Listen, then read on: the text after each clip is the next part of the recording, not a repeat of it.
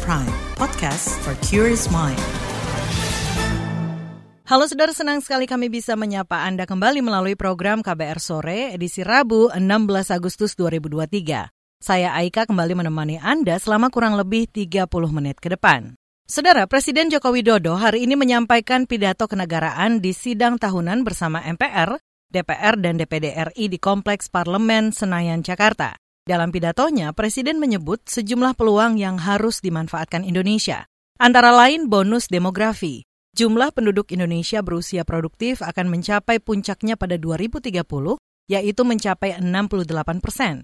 Bonus demografi ini menjadi peluang besar guna mewujudkan Indonesia Emas 2045. Peluang besar berikutnya adalah meningkatnya kepercayaan internasional kepada Indonesia yang bisa menjadi modal positif menghadapi berbagai krisis global. Namun, ada pula sejumlah tantangan yang harus dihadapi Indonesia. Bagaimana bangsa ini menghadapi tantangan masa depan? Bagaimana idealnya figur pemimpin masa depan Indonesia untuk menghadapi tantangan itu? Selengkapnya kita bahas di KBR sore.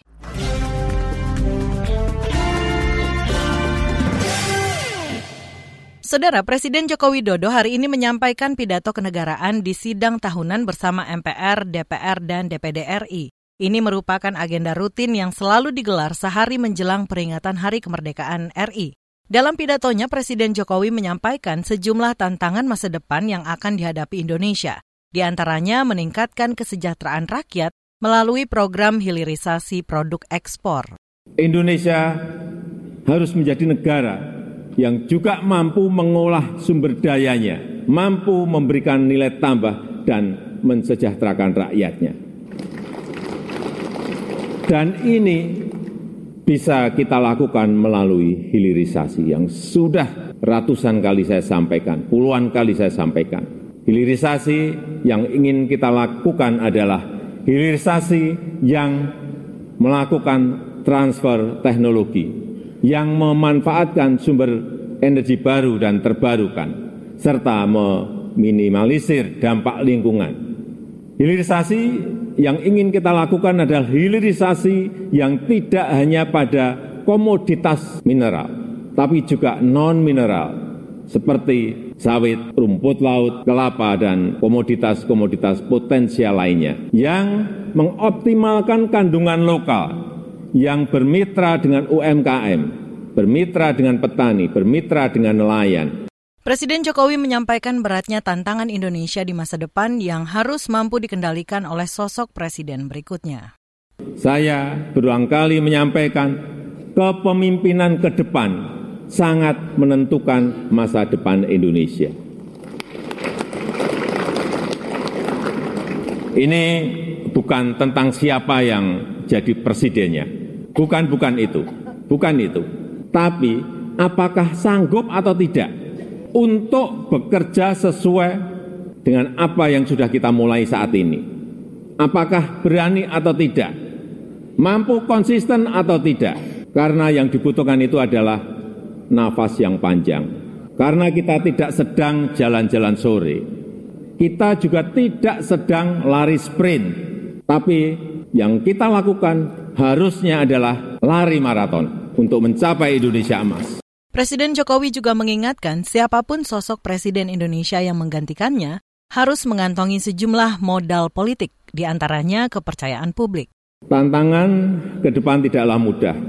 Pilihan kebijakan akan semakin sulit, sehingga dibutuhkan keberanian, dibutuhkan kepercayaan untuk mengambil keputusan yang sulit, dan keputusan yang tidak populer. Oleh sebab itu, menurut saya, Pemimpin itu harus punya public trust karena kepercayaan adalah salah satu faktor penentu bisa berjalan atau tidaknya suatu kebijakan, bisa diikuti atau tidaknya sebuah keputusan. Ini adalah modal politik dalam memimpin sebuah bangsa besar seperti Indonesia. Selain itu, seorang pemimpin juga membutuhkan dukungan dan kerjasama dari seluruh komponen bangsa. Itu tadi Presiden Joko Widodo. Saudara, di tengah penyelenggaraan sidang tahunan bersama di gedung DPR MPR Senayan, Jakarta, aksi unjuk rasa berlangsung di luar gedung parlemen. Sejumlah orang menggelar aksi mogok makan menuntut pengesahan RUU Perlindungan Pekerja Rumah Tangga yang sudah 19 tahun mandek pembahasannya. Aksi mogok makan itu akan kami hadirkan sebagai laporan khas KBR sesaat lagi. Tetaplah di KBR sore.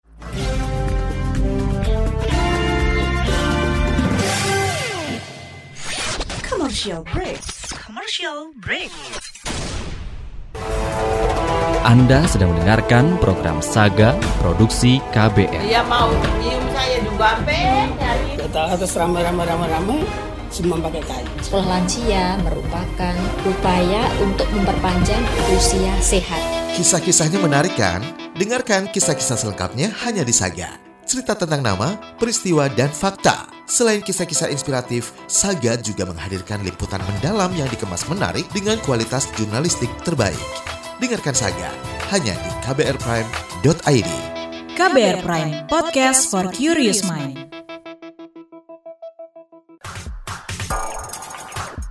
You're listening to KBR Prime, podcast for curious mind. Enjoy!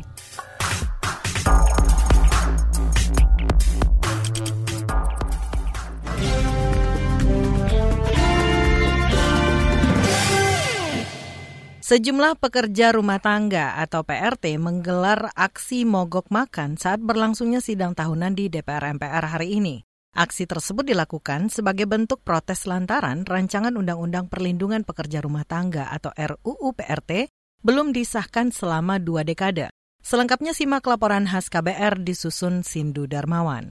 Aksi mogok makan para pekerja rumah tangga PRT dilakukan di enam kota di Indonesia hari ini yakni Tangerang, Jakarta, Semarang, Yogyakarta, Makassar, dan Medan. Di Jakarta, aksi mogok makan dilakukan di depan gedung DPR MPR Senayan.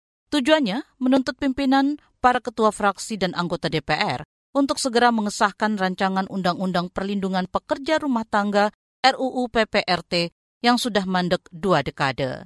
Ketua Jaringan Nasional Advokasi Pekerja Rumah Tangga Jala PRT Lita Anggraini mengatakan Aksi digelar sejak Senin. Aksi ini merupakan aksi ketiga yang dilakukan para PRT. Koordinator Jala PRT, Lita Anggraini menyebut setiap tahun ada sekira 600-an kasus kekerasan terhadap PRT yang didominasi perempuan. Bentuknya beragam, seperti tidak diberi makan, disiksa, dan tidak digaji.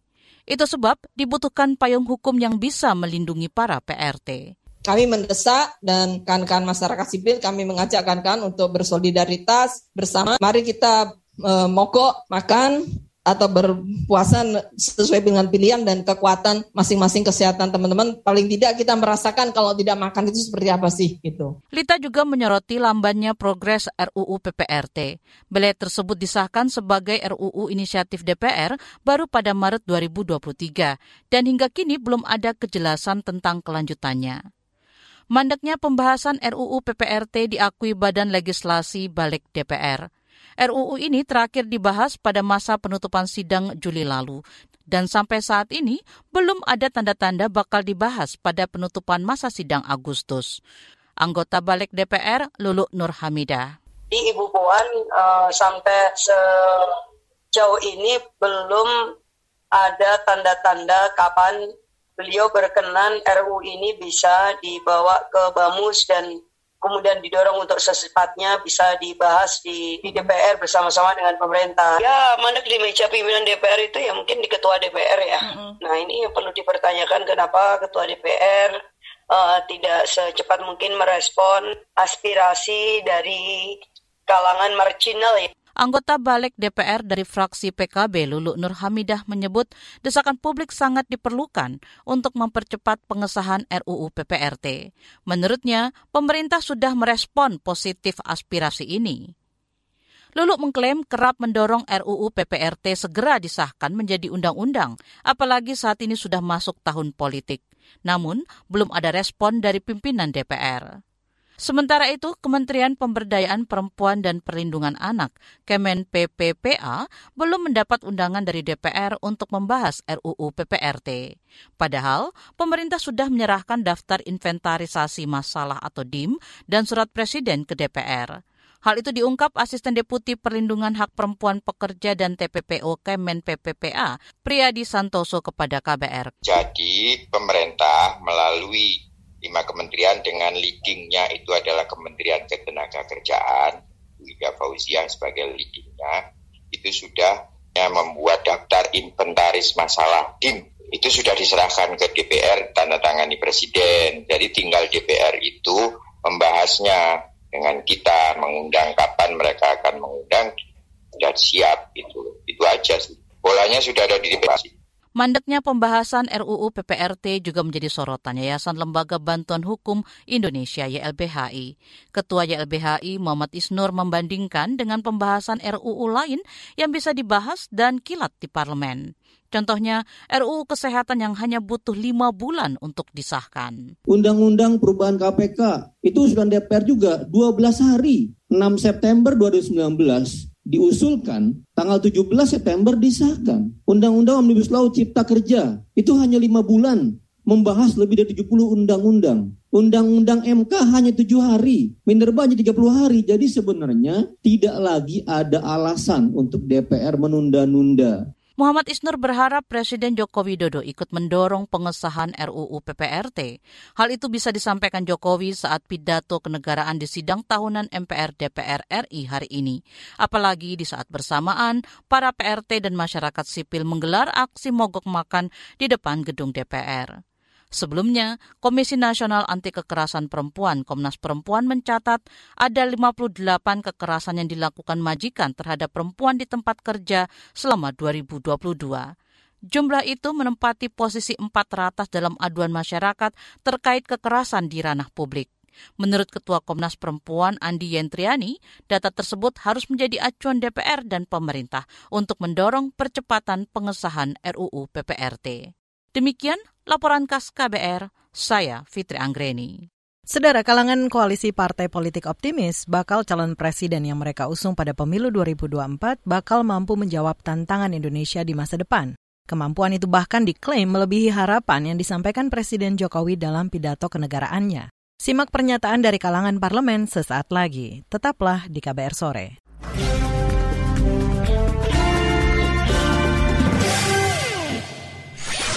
Commercial break. Commercial break. Eh, eh, eh, lu udah tahu soal ini belum sih? Lihat dong. oh, ini mah gue udah tahu. Seru banget, sumpah. Hah? Apaan tuh? Ini loh yang lagi viral itu. Hah? Gimana gimana? Daripada FOMO, mending lu dengerin deh podcast FOMO Sapiens. Hah? Setiap hari Jumat hanya di kbrprime.id dan platform mendengarkan podcast lainnya. No more fear of missing out tips. KBR Prime, podcast for curious mind. You're listening to KBR Pride, podcast for curious mind. Enjoy!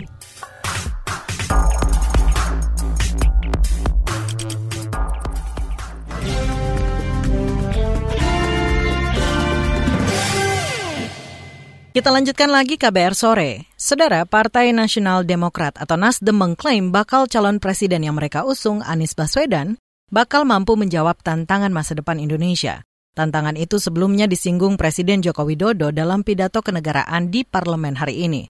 Partai Nasdem juga siap melanjutkan pembangunan yang sudah dilaksanakan Presiden Joko Widodo, meski ada beberapa hal yang akan diperbaiki dalam rangka perubahan. Berikut ini kita simak wawancara jurnalis KBR Heru Haitami bersama Ketua DPP Partai Nasdem Willy Aditya di Gedung DPR MPR Senayan, Jakarta hari ini. Dalam pidato kenegaraan Presiden Joko Widodo hari ini di DPR menyinggung tantangan masa depan Indonesia dan pemimpin Indonesia. Bagaimana Anda di DPP Nasdem melihatnya? Saya melihat tadi sesuai dengan statement Presiden Jokowi itu ini bukan soal orang, tapi ini masalah uh, objektif yang akan kita hadapi dan itu worth it ya apa yang disampaikan oleh presiden ya. ya kita tidak sedang berjalan sore kata presiden kita tidak sedang sprint tapi kita harus maraton. Bagaimana uh, tantangan geopolitik. Presiden menegaskan transformasi menuju Indonesia Emas 2024 peluang kita menjadi lima besar di dunia itu sangat terbuka tinggal bagaimana menurunkan pada strateginya dengan fondasi-fondasi yang sudah diletakkan oleh presiden ya. Tentang bagaimana apa penyederhanaan regulasi kemudian perizinan pencegahan korupsi ya. itu satu hal yang benar-benar menjadi satu tatakan penting untuk lompatan ke depan. Di ditambah dengan keberhasilan presidensi G20, ketua ASEAN, saya melihat itu satu hal yang benar-benar uh, legasi presiden untuk bisa di apa ya bisa dilanjutkan dan bahkan bisa ditingkatkan. Jadi tidak perlu kita vis-a-viskan narasi. Apa yang sudah diletakkan bagus oleh Presiden Jokowi harus kita tingkatkan. Nasdem adalah salah satu partai yang telah mengusung eh, bakal calon presiden yakni Anies Baswedan. Mampukah Anies menjawab tantangan tersebut? Mampu ya. Anies adalah figur yang merepresentasikan Futures Asia itu Anies memiliki kapasitas, Anies memiliki jejak rekam, Anies memiliki pergaulan luas di jejaring regional dan internasional. Itu yang kemudian uh, Nasdem melihat sangat kompatibel dengan tantangan-tantangan apa yang disampaikan oleh Pak Jokowi dengan kepemimpinan ke depan. Anies menjadi jawaban terhadap apa-apa yang di-challenge oleh Pak Jokowi.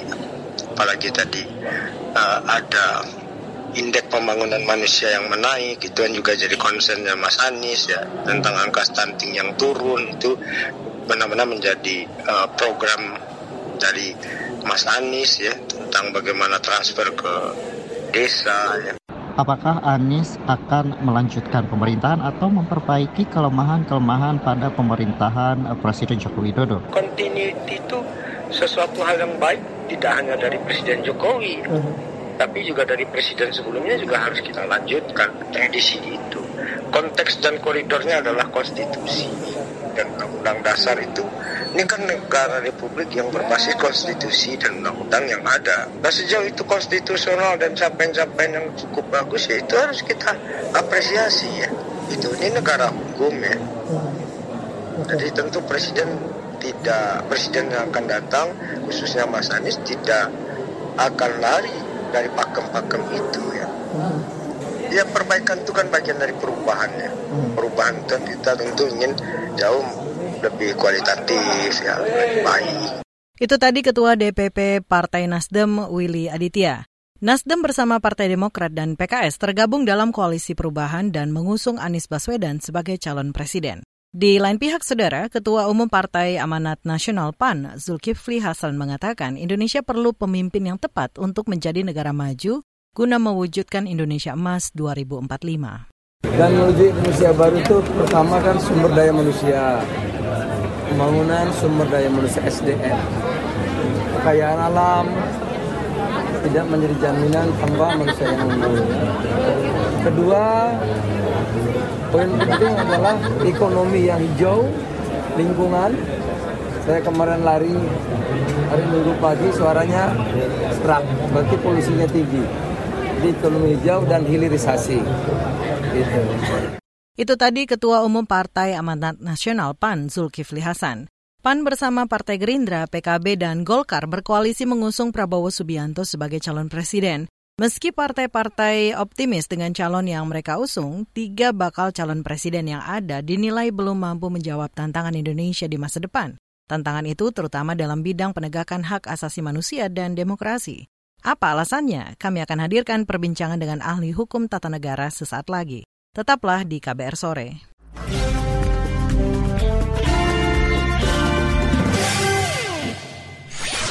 Commercial break. Commercial break. Satu kata yang mendeskripsikan cinta, respect. Jahat. Selfless. Komunikasi. Itu kata mereka soal cinta. Dengarkan Love Buzz di kbrprime.id. Tersedia juga di platform mendengarkan podcast lainnya. Love Buzz. Membicarakan perkara yang tidak dibicarakan ketika berbicara perkara cinta. You're listening to KBR Pride, podcast for curious mind. Enjoy!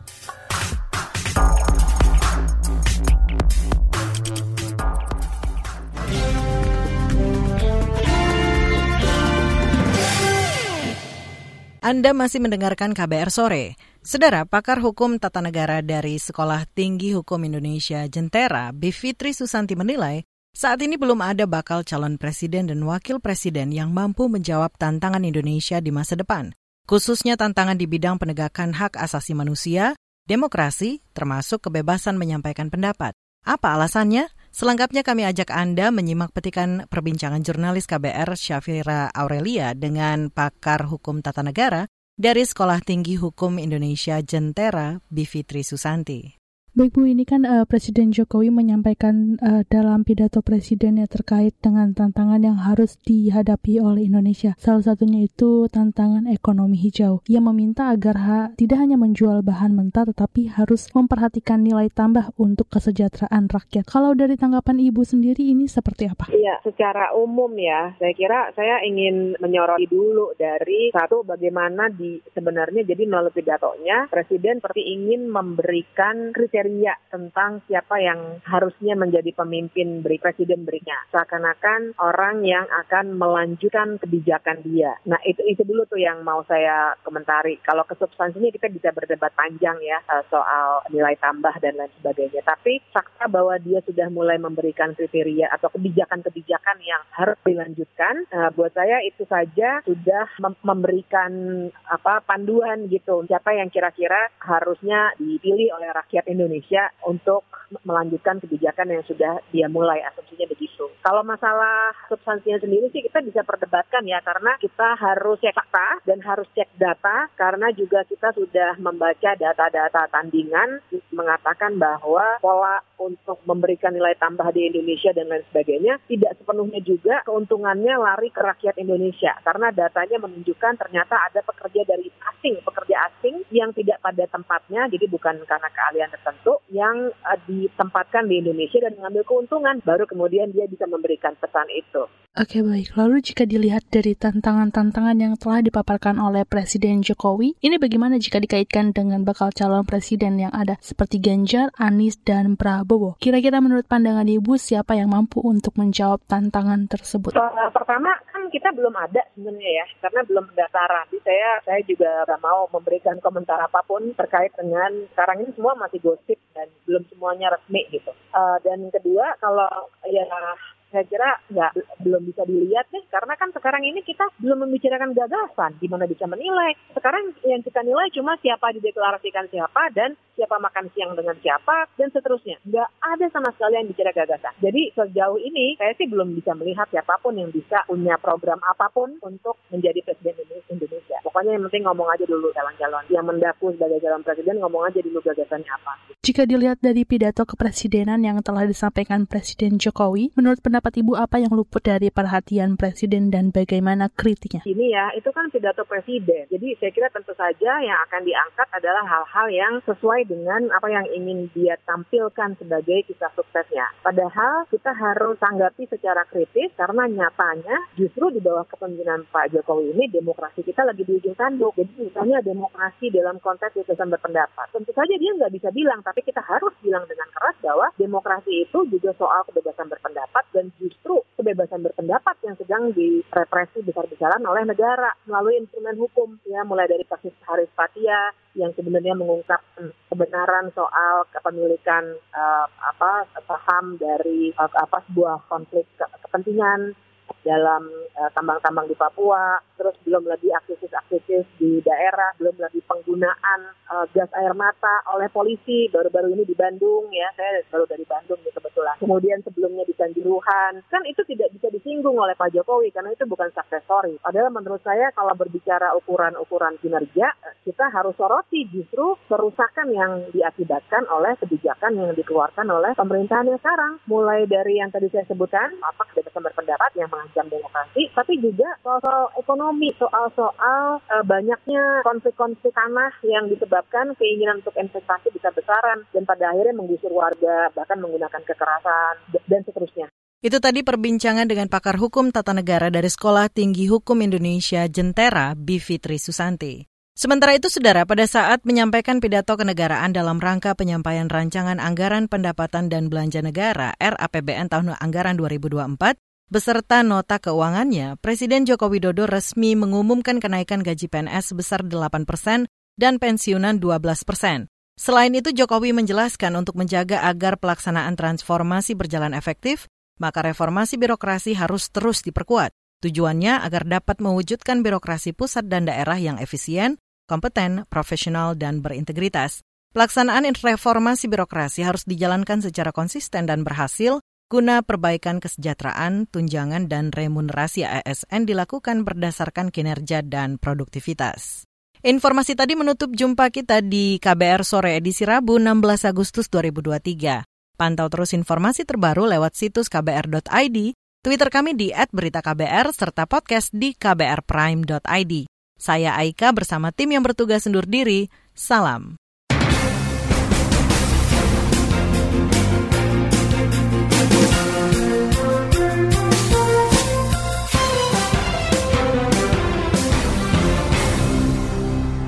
KBR Prime, cara asik mendengar berita. KBR Prime, podcast for curious mind.